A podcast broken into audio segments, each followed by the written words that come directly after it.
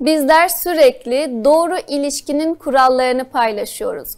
Doğru ilişki, doğru partner, doğru eşi seçmen için yapman gerekenler listesi. Böyle uzun uzadıya bir liste. Şuna dikkat et, buna dikkat et, bunu muhakkak uygula şeklinde listelerimiz var. Aramızdan bazıları var ki bu listeye bakıyor ve diyor ki ya tamam evet ben de bunları istiyorum ama bir şey eksik. O eksik olan şey bazen zeka olabiliyor. Kimlerden bahsedeceğim? Sapyoseksüellerden. Şimdi bundan sonra sayacağım özelliklere sen de sahipsen sapyoseksüel olabilirsin.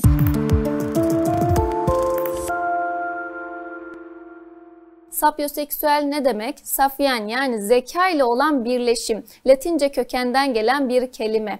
Özellikle zekaya, beyne aşık olma hali. Beyne aşık olmak derken sadece bu kişiler zekadan mı hoşlanıyor? Hayır. Elbette ki bu kişilerin açıklamalarında şunlar var. Elbette ki biz de hani fiziksel görüntüye de bakıyoruz. Diğer değerlerimize uyuyor mu ona da bakıyoruz. Sizlerin paylaşmış olduğu doğru kişi kim? Paylaşımının altındaki maddelere de bakıyoruz ama bizim için önemli olan zeka. Yani ben o kişiyle ne kadar sohbet edebilirim, ne kadar konuşabilirim, kendimi ne kadar ifade edebilirim veya o benimle ne kadar kendisini net bir şekilde ifade ederek konuşabilir.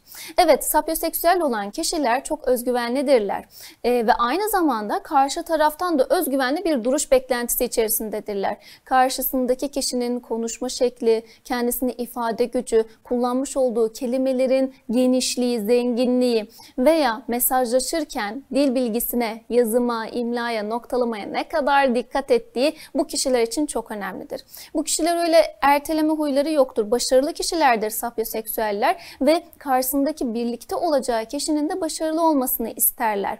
Ve bununla birlikte karşısındaki kişiyle kurmuş olduğu iletişimde bir şeyler öğrenmek ister. Pragmatik bir ilişkide diye demek mümkün. Şimdi öğrenmek demişken uzun soluklu bir iletişim şeklinin olmasını ister. Mesela şuna bayılır sapyoseksüeller. Karşısındaki kişi geçenlerde izlemiş olduğum filmde de şöyle geçti. Şu repliği çok beğendim. Son okumuş olduğum kitapta şöyle bir araştırma vardı şeklindeki ifadelere denk geldiğinde o karşısındaki kişiyi tutar bırakmaz. Evet saymış olduğum özellikler sende de olabilir mi?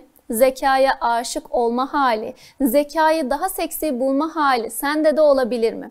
Bununla birlikte sana şunu da ifade etmeliyim. Sayı az değil. 18 ile 35 yaşları arasında %8 e, oranında görülmektedir sapyoseksüeller. Ancak ne yazık ki herkes sapyoseksüel olduğunun farkında olamayabiliyor. O halde kurmuş olduğumuz ilişkinin sağlıklı, doğru bir şekilde devam edebilmesi için neyi istediğimizi bilmemiz çok önemli. Karşımdaki kişiyle doğru bir şekilde ilişki kurmak istiyorsam ve benim için zeka, iletişim, konuşabilmek, kültürel seviye, entelektüel seviye çok önemliyse sapyoseksüel olup olmadığımı bilmeli, belirlemeliyim. Bununla birlikte sana bazı şeyleri de hatırlatmak istiyorum. Hani bazı sözler vardır ya, kadınlar espiritüel erkekleri sever, kadınlar şaka yapan erkekleri erkekleri sever diye.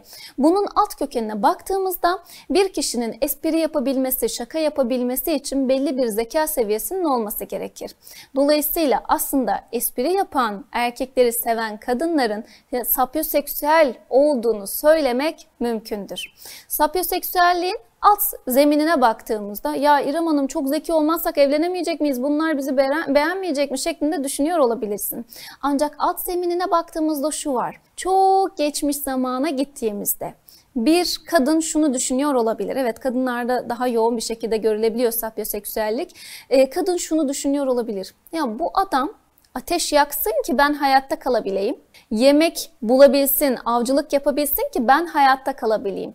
Aslında kişinin zekaya olan tutkunluğuna geçmiş kökenimizden itibaren baktığımızda hayatta kalma mücadelesi olarak yorumlamak da çok mümkün.